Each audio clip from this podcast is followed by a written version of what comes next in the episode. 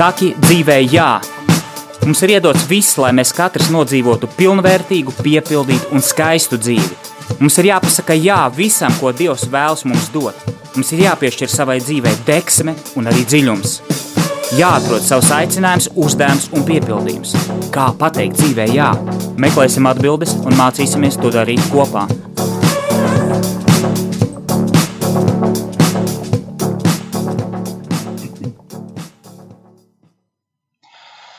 Sveicināti, darbie radio klausītāji! Klāta ir ceturtdiena, un klāta ir atkal raidījums Saki dzīvē, jā. Prieks šajā burvīgajā ziemas dienā ar jums atkal sarunāties. Šis ir mūsu jaunā gada otrais raidījums. Un šodien es jūs aicinu aizdomāties kopā, aprunāties, aizdomāties par tādu tēmu kā svētie mūsu koči. Un kas tad ir coaching, jeb coachings? Varbūt tās kāds vecāka gadu gājums, radioklausītājs nezina šo vārdu nozīmi. Ja? Tā ir tāda moderna lieta, par to es pastāstīšu pēc brīža. Un kā mēs varam attiecināt to uz svētajiem, un vai svētie var būt mūsu coachi. To tad, tad arī mēģināsim šodien noskaidrot, vai nonākt pie atbildes un, un saņemt kādu, kādu impulsu, lai vairāk iedvesmotos no svētajiem. Uh, pamudinājums šādu raidījumu šodien ar jums par šo tēmu runāt, man deva mana pasniedzēja Aleksandra viena no jaunākajām grāmatām, kas saucās Žāna Darka, tavs personīgais kočs. Jo pats nosaukums ir ļoti intriģējošs un interesants. Ja? Un šo grāmatu, kad es sāku lasīt, tad arī manī dzima šīs impulss dalīties arī pārdomās, eh, vai tiešām svētie var būt mūsu koči. Jo uh, Aleksandrs Havārds raksta to grāmatu tādā veidā, kā sarunu, kā Žānas Darkas saruna ar savu lasītāju. Uh, Ļoti interesanti tas ir. Viņš dod uh, Žāna Darka, ja tā varētu teikt, caur, caur uh, rakstnieku, caur autoru grāmatas uh, sarunājas ar, ar lasītāju un dod padomus, stāsta savu dzīves stāstu, savu biogrāfiju, bet Mm, runā arī par savām iekšējām cīņām, liekot saprast to, ka mēs katrs, katram mums ir savi dzīvē izaicinājumi, un ka svēts tas nenozīmē bezrūpīgs vai tāds, kurš, tāds, kurš varbūt tās, kuram nav izaicinājumi, kuram nav grūtības, ja? bet svētiem mēs zinām, ka var būt tie cilvēki, kas mūs iedvesmo. Un bieži vien svēti cilvēki nav tie, kurus mēs zinām arī baznīcā, kur ir nosaukti, kur ir titulēti. Ja, bet mēs zinām, ka ir cilvēki, kuri pašaizliedzīgi dzīvo, kur ir piemērs un iedvesmas avots uh, mums. Un arī mēs varētu teikt, jā, viņi ir svēti, viņi dzīvo. Gan ar skatienu debesīs, gan ar kājām tepat uz zemes, realizējot sevi, sakot dzīvē, jā, un tajā pašā laikā arī sakot dievam, jā. Un tas mūs bieži vien pārņem un iedvesmo. Bet ne par svētajiem ļoti zīmīgi, ka pirms šī mūsu raidījuma ir arī raidījums par svētajiem, kur tiek izskatīts svēto biogrāfijas, viņu, viņu darbi, nopelni. Ja, iesaku paklausīties. Un tā. Mazliet par pašu coachingu. Kas tad ir coachings? Tā ļoti īsi pastāstīšu tie, kas varbūt tās nezina. Tā ir tāda jauna uh, jauna, varētu teikt, zinātne vai psiholoģijas novirziens. Coachings ir kaut kas starp psiholoģiju un psihoterapiju. Atšķirībā varbūt tās no terapijas, coachings nerakņājas bērnības atmiņās, ievainojumos, bet uz cilvēku skatās uz to brīdi, kā, kāds viņš ir šobrīd un kur viņš var augt, attīstīties, izējot no dotās situācijas. Jā, neanalizējot. Pagātne visiem mums ir dažāda, jā, bet mums jāiet uz priekšu. Tad coachings skatās uz cilvēku, tu esi šeit, ir tavs potenciāls, ir tavas spējas, ir arī tavi ierobežojumi, ko mēs varam ar to darīt, uz kurien mēs varam augt.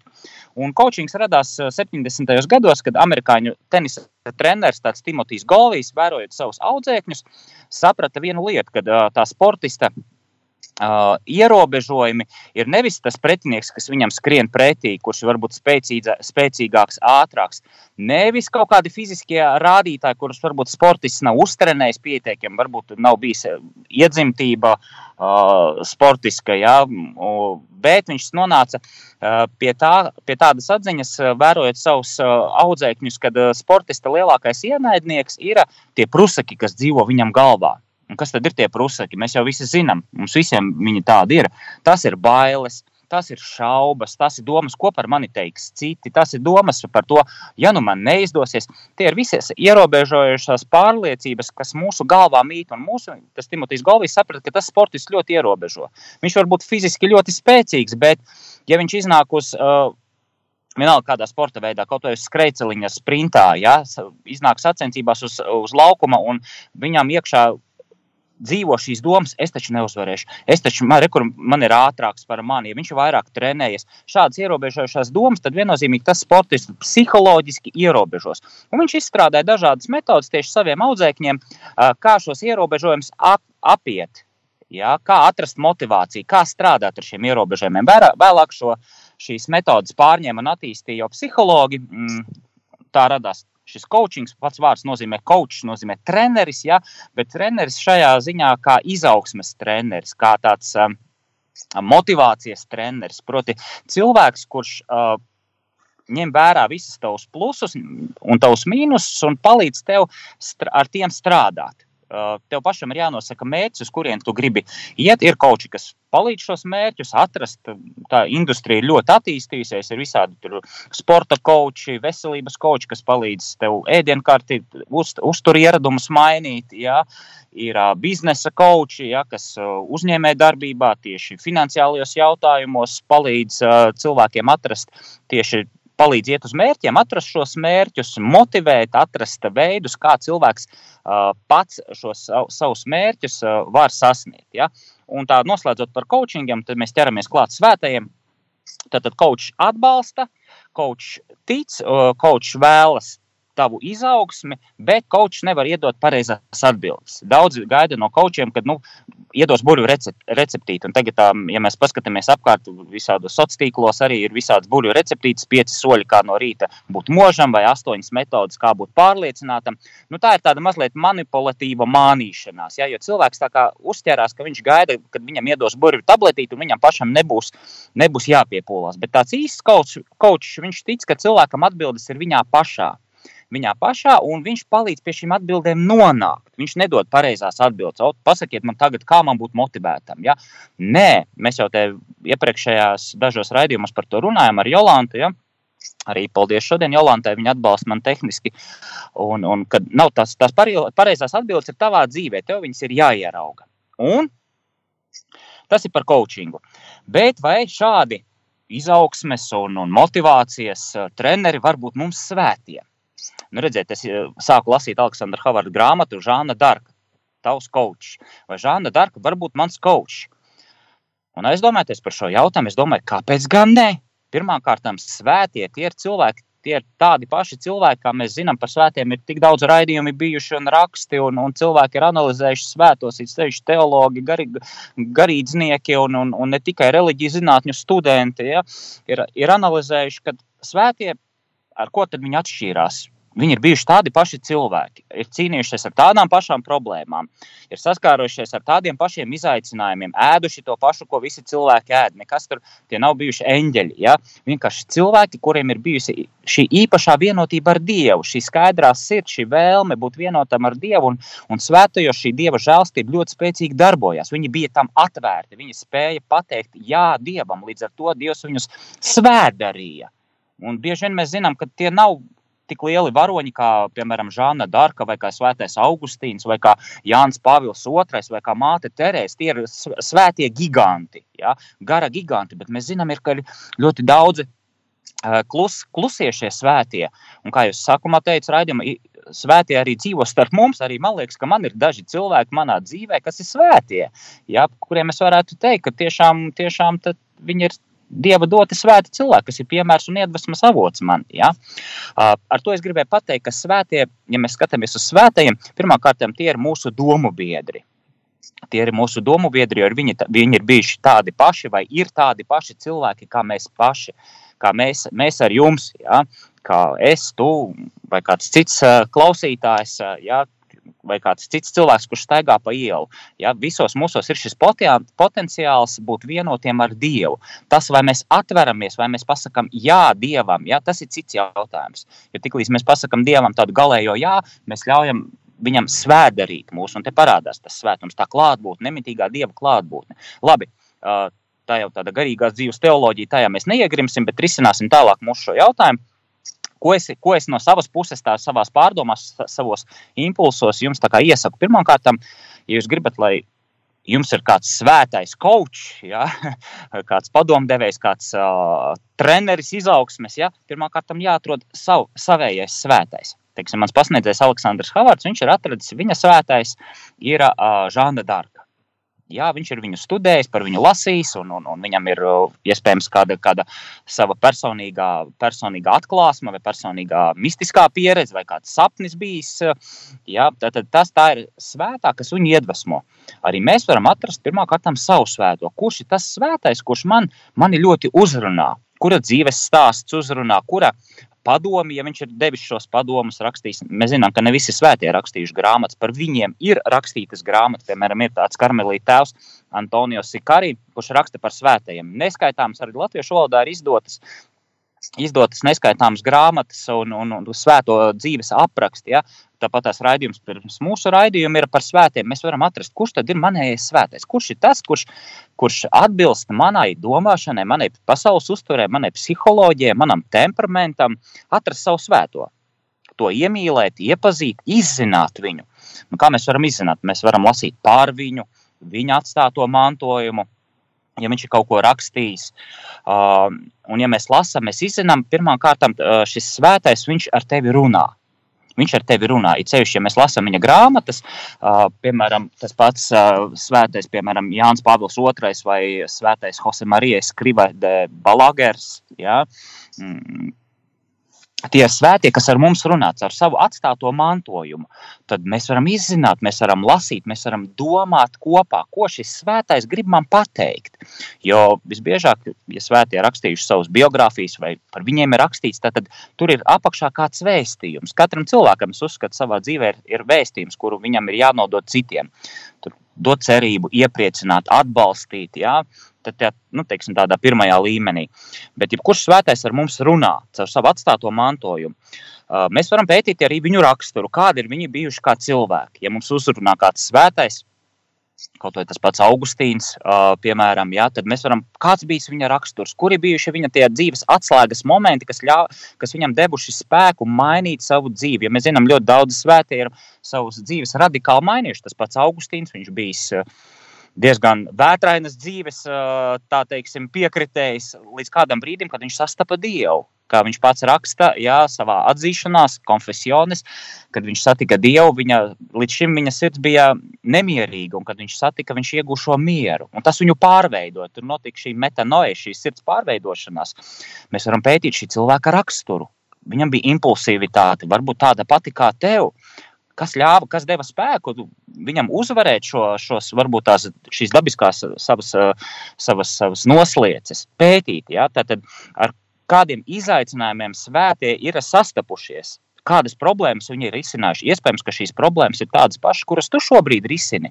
Un šis svētais, viņš tam ir gājis cauri, un tu vari ieraudzīt, kā viņš ir ticis ar to galā. Jā, kāpis, kritis, cēlies.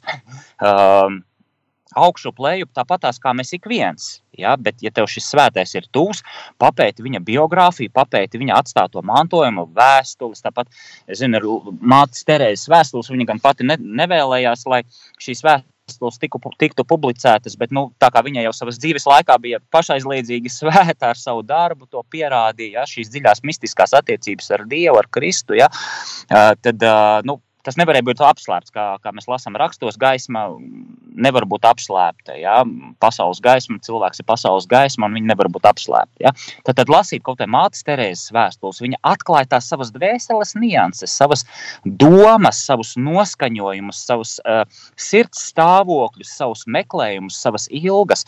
Un, ja mēs pētām kādu sev mīļa svētā kurš mūs uzrunā šos vēstules rakstus, biogrāfiju, mēs varam tos attiecināt uz savu dzīvi. Mēs varam ņemt padomu. Šajā aspektā, jā, svētais var būt tavs kočs, jo viņš ir izcinājis tos pašus jautājumus, kurus tur izsina. Varbūt tas ir aic, jautājums par aicinājumu, par izšķiršanos, par, man teiksim, nāk prātā ļoti, man uzrunāja viens svētais Rafaels Barons, laikam, ja viņu pareizi, Baronso vai Barons, tagad nav man blakus viņa grāmata, ja?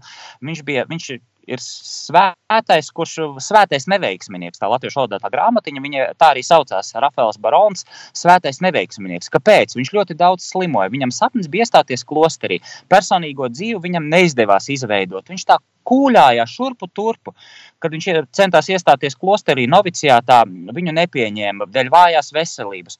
Vienīgais, ko viņš varēja darīt, viņš sēdēja virtuvē, viņam, viņam atļāva būt par virtuves strādnieku, vismaz klosteru dzīvē, piedalīties, kā mēs tagad teiktu, attālināti, ja, mizojot kartupeļus. Un tad uh, viņš savā vēstulēs uh, raksta, ka vienīgais, ko viņš varētu, ar ko viņš varētu dievam pateikties vai dievam kalpot, tie būtu dārzeņi.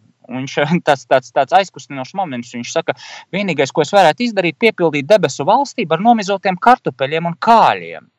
Ja? Cik skaisti, ja? cik aizkustinoši, ka cilvēks viņš, viņš, viņš, ir, viņš nav ticis, ja? viņš nav savus sapņus piepildījis. Un iespējams, ka arī kāds no mums, no jums, uh, uh, arī ir līdzīgā situācija. Mēs varam mācīties, kur šie svētie ņem spēku. Kur viņi ņem, jā, mēs varam teikt, protams, dievā un, un, un visu to attiecināt tā ļoti teoloģiski. Jā. Tas ir skaisti, protams, ka Dievs svēdara, kā jau es teicu, viņš piedalās, viņš iet mums pat pa priekšu, žēlstība iet pa priekšu, pirms mēs uh, speram šos soļus. Jā. Bet pats interesantākais, man liekas, ir pētot svētos, ir tas, kad Viņi ir bijuši cilvēki, un tieši tās viņu iekšējās cīņas, tās ir tās, kas uzrunā viņu, tās, viņu tie ieradumi, viņu tie, tās, kā es teicu, sirds nostājas, noslieces, domāšana. Tas spēj mūs iedvesmot. Ja? Spēj mūs iedvesmot, spēj mūs arī virzīt mūsu domāšanu. Ja? Lūk, lūk uh, protams, ja mēs vēršamies, nu, parasti pie, pie, mēs esam pieraduši, ka svētos mēs godinam. Mēs viņus nepielūdzam, mēs viņus godinam, vai mēs viņus lūdzam, lai viņi kā, ir mūsu aizbildņi. Nu, vai kāda slimība, vai kaut kāds notikums, jā, ir bijis, kad, kad svētie mums ir kā aizbildņi. Tas viens šis aspekts, tāds vispopulārākais. Bet šodien es gribu jums iedot impulsu, lai jūs uz svētiem skatītos tiešām kā uz tādiem domu biedriem man, man vārds coach, viņš tāds latvijas kaut kā nevisai skan, man viņš nevisai, nepārāk arī patīk, ja, bet uh, jaunieši saprot, uh, ka coach, ja tas ir šis izaugsmas pasniedzējs treneris, tad, uh, tad es aicinu, jā, paskatieties šajā gadījumā, šajā reizē vai šodien uz, uz svētajiem vai uz kādu savu mīļāko svēto, kā uz coachu. Ko viņš tev, kādu viņš tev dod padomu, kādu viņš tev dod impulsu. Viņš noteikti vēl tev tavu izaugsmi. Ja? Un, protams, ka svētie pirmkārt, tie svētie, kas ir jau dieva godībā, viņi mūs, mums var palīdzēt tuvoties dievam. Ja? Tas ir tāpat tās garīgajā dzīvē. Mēs varbūt tās tur nevaram atrisināt, ne, nevaram varbūt lūgt svēto, lai viņš atrisina kaut kādas finansiālās problēmas. Mēs varam izzināt, kā viņš ar to cīnījās. Ja? Bet jebkura svētā, jebkura mm, debesu valstības pilsoņa, man liekas, pirmais no pienākumiem ir palīdzēt cilvēkam arī sasniegt šo vienotību ar Dievu. Ja? Lūk, tas būtu viens. Tad, tad skatīties uz svētiem, domāt kopā ar viņiem, klausīties viņos, ko viņi tev saka caur, savi, caur savām vēstulēm, rakstiem, caur savu dzīvi, caur savu biogrāfiju.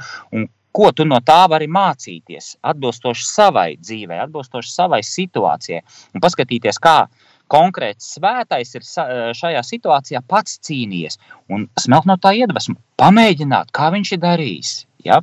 Viena lieta, ko es gribētu uzsvērt uz svētajiem, kas varbūt tās citreiz baznīcā tā ir manāms, vai ir pamā, bijis kaut kādi gadījumi, kad cilvēki kopē svētos viņi tik ļoti iedvesmojas, piemēram, izlasa mazo terēziju. O, jā, kādas veselas stāstu vai vēstules viņas, kas ir nopublicētas arī latviešu iztolkots. Ja? Nu, es tagad būšu kā mazā terēzīte. Meitenes aizskrien uz klosteri, paiet gads, hops, viņas ir ārā no klostera. Kāpēc? Tāpēc, ka katrs svētais viņš ir bijis uh, unikāls, kā jebkurš cilvēks. Mums nav jābūt svēto kopijām. Kā jau teicu, mēs svētais var būt mūsu iedvesmotājs, mūsu coach, mūsu uh, garīgais treneris, ja? bet mēs, ne, mēs nevaram būt viņa kopija, tāpēc ka Dieva plāns uz katru cilvēku ir unikāls. Tev ir situācija, uh, kurā tu kurā tu dzīvo, kas ir tavi apstākļi, dzīves, tavs laikmets, tava ģimene, tava, tava valsts, un tu nevari nokopēt, piemēram, mazo Terēzīti. Jā, tu vari iedvesmoties, un daudzas meitenes ir iedvesmojušās, atklājušas caur mazās Terēzītes dzīvi savu aicinājumu. Bet nevienmēr tas ir tā bijis, ka mēs varam paņemam svēto un tagad būsim kā Terēzīte vai būsim kā svētais Francisks. Atstāsim visu. Nu, piemērs man tāds ienācis, nezinu, vai es tā drīkstu. Radio Marija direktors Pēters, varbūt viņš klausās pat, ja, pēkšņi paziņo, ka viņš izlasīs Franciska biogrāfiju un tagad pametīs radio, pametīs visu un brauks, brauks uz asīs dzīvos pilnīgākā nabadzībā. Ja? Nu, varbūt šajā brīdī tas būtu diezgan, diezgan neizprotami. Ja? Nu, tāds varbūt tāds piemērs ienāca prātā. Ja? Uh, katram cilvēkam ir dotas savas profesionālās prasmes, un tā ir dieva apredzība, kurā viņš mūs ieliek. Dzīves apstākļi ir salikušies tā, kad mēs esam šeit un mums jāmāk nolasīt. Mēs, man liekas, iepriekšējā reizē runājām, kad lasīt dzīvi kā grāmatu, ja?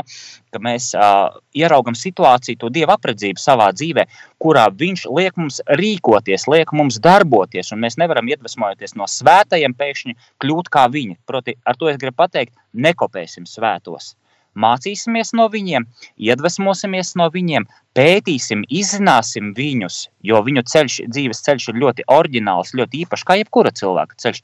Arī nesvētos cilvēkus, kurus mēs neuzskatām, es nesen pagājušo gadu lasīju Dostojevska biogrāfiju. Mani tik ļoti uzrunājis, tik daudz ko kopīgu atklāju. Uh, sev ar Dostojevski. Jā, es neesmu rakstnieks, nu, es kaut ko rakstu, ja tur postiņus un, un rakstiņus savus, ja, bet nu, Es jau nevaru salīdzināt, es nevaru būt kā Dostojevskis. Ja? Viņam tas ir viņa talants, tas ir viņa aicinājums, viņa dzīves ceļš, bet viņa tie pārdzīvojumi, kā viņš noformulē domu, kā viņš izjūt, manī kaut kur ļoti rezonēja. Viņa tas, teiksim, tas arī tas jutekliskums, arī viņa tas smalkums, arī viņa tas uh, spēja ieraudzīt, sajust dzīvi. Ja, tas bija kaut kas unikāls. Un es lasīju Zēnas Mauriņas sarakstīto biogrāfiju par Dostojevski. Man ļoti tajā brīdī viņš bija mans coach. Ja? Kāpēc? Tāpēc, ka viņš man atvēra manu sirdi uz tādu estētisko dzīves skatījumu. Ja? Paplašināja manu redzesloku, dvēseles tādu sajūtu loku. Tajā brīdī es mācījos no Dostojevska. Ja? Lūk, tā kā nekopēsim ne Dostojevski, ne svētos, bet uh, iedvesmosimies un uh, veidosim savu dzīvi, mācoties no viņu piemēriem. Un šajā gadījumā, jā, svētie var būt koči, svētie, svētie var būt uh, tavi padomdevēji, jo viņi noteikti tevi atbalsta, tev tic, vēl tev izaugsmi. Mēs zinām, ka svētie, un tas ir normāls cilvēks stāvoklis, kad mēs dodam no sevis, kad arī svētie viņi dāvājas sevi. Un tas būtu normāli, ka mēs arī savā ikdienā viens otram dāvātu sevi.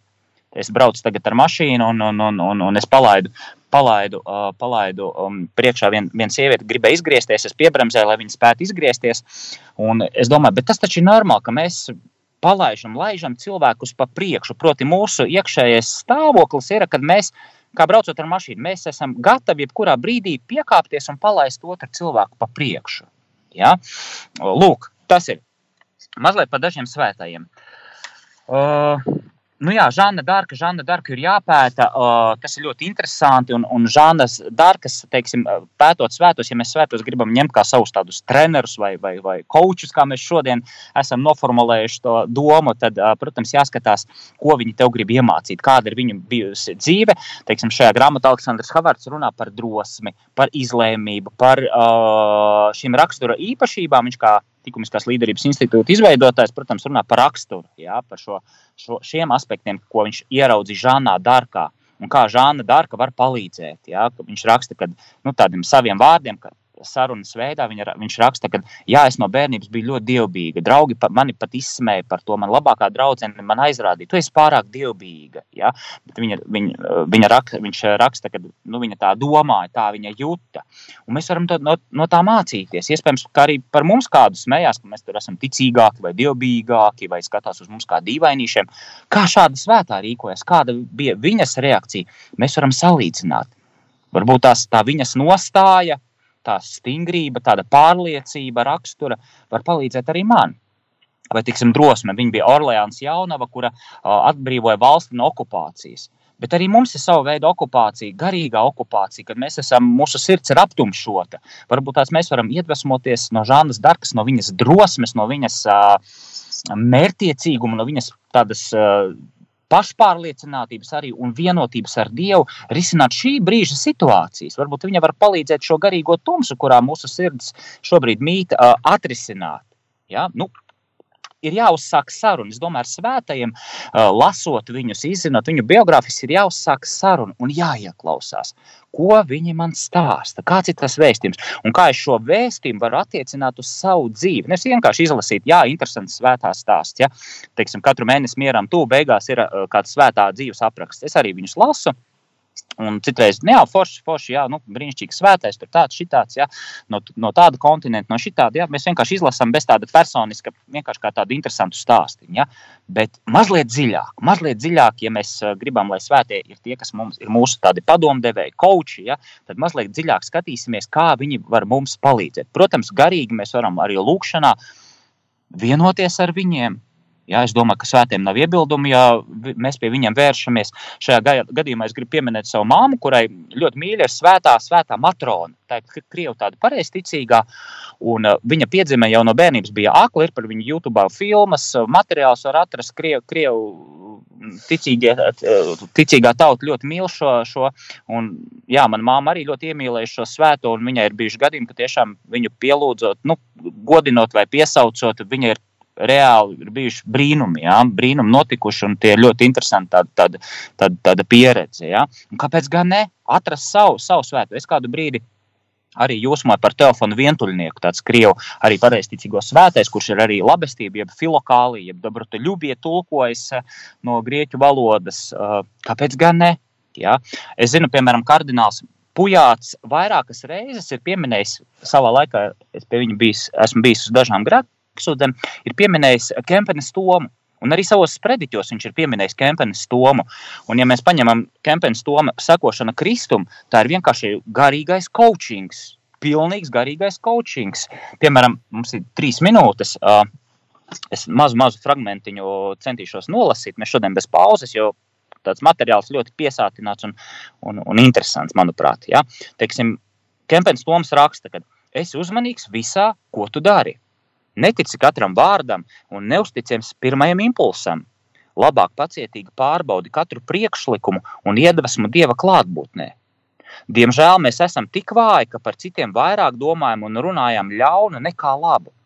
Saprātīgs cilvēks lēti netic visam, ko viņš dzird, jo viņš zina, ka cilvēciskai dabai ir noslēgts uz ļauno un ka bieži tiek grēkots ar vārdiem. Tā ir liela gudrība nerīkoties pārsteidzīgi un nepalikt stūrgalvīgi pie saviem uzskatiem. Un arī tā ir gudrība. To, ko nu pat dzirdēji, vai kam pat, pat ticēji, tūlīt ne, mm, nestāstīt tālāk un svešām ausīm neusticēt. Meklē padomu pie cilvēka, kam taisna sirdsapziņa. Labāk mācies no gudra cilvēka nekā seko saviem spriedumiem. Laba un dievbijīga dzīve cilvēku dara gudru dieva priekšā un pieredzes bagātu daudzās lietās. Jo pazemīgāks būsi un dievam vairāk sevi atdos, jo arī visās lietās būsi gudrāks un mierīgāks. Nu, lūk, mīļie draugi, nu, labāks, labāki padomi nevar būt. Tā kā droši var ņemt sekošanu Kristum. Es domāju, ka mm, Kempens Toms ir mūsu kardināla pujāta kočs Ja? nu, es tā izsakoties mūsu šodienas raidījuma termina ietvaros, ja? tad kāpēc ne? Vai, teiksim, Jose Marijas Krivu mēs varam lasīt, o, kas ir spāņu, spāņu garīdznieks, kurš arī do, daudz e, dod par iekšējo dzīvi, par iekšējiem noskaņojumiem, par mieru, par sirds stāvokļiem, dod daudz padomus, daudz norādījumus, daudz piemērus. Jā, lūk, tā kā iedvesmosimies no svētajiem, nekopēsim viņus, ieklausīsimies viņos, ko viņi ar savu dzīvi, ar savu atstāto mantojumu mums māca. Un, jā, un tiešām mācīsimies un mēģināsim saklausīt, ko viņi var, var mums pateikt, ko viņi vēlas mums pateikt. Un ļausim Dievam mums svēt darīt. Iesim to ceļu, kas mums ir katram dots, kurā atbilstoši mūsu situācijai, apstākļiem un dzīvei. Lūk, darbie draugi, ar to arī beigsim. Šodien bez muzikālās pauzes es saku jums lielu paldies! Lielu paldies! Un tad līdz nākamajai reizei, un ja kādam ir kādi jautājumi vai komentāri vai, vai, vai kas sakāms, droši var ar maniem sazināties, jebkurā sociālā tīklā vai rakstot uz e-pastu egilspurviņš at gmail.com. Ja? Lai jums skaista diena, lai jums svēdaroša diena un, un, un, un, un lai jūs paši kļūtu svēti, to es arī jums novēlu. Ja? Sakam dzīvē jā, sakam dievam jā un sakam viens otram jā, laižot viens otru pa priekšu, šajā sirds stāvoklī arī dzīvojot. Paldies jums! Uz redzi! Saki dzīvē jā! Mums ir iedots viss, lai mēs katrs nodzīvotu pilnvērtīgu, piepildītu un skaistu dzīvi. Mums ir jāpasaka jā visam, ko Dievs vēlas mums dot.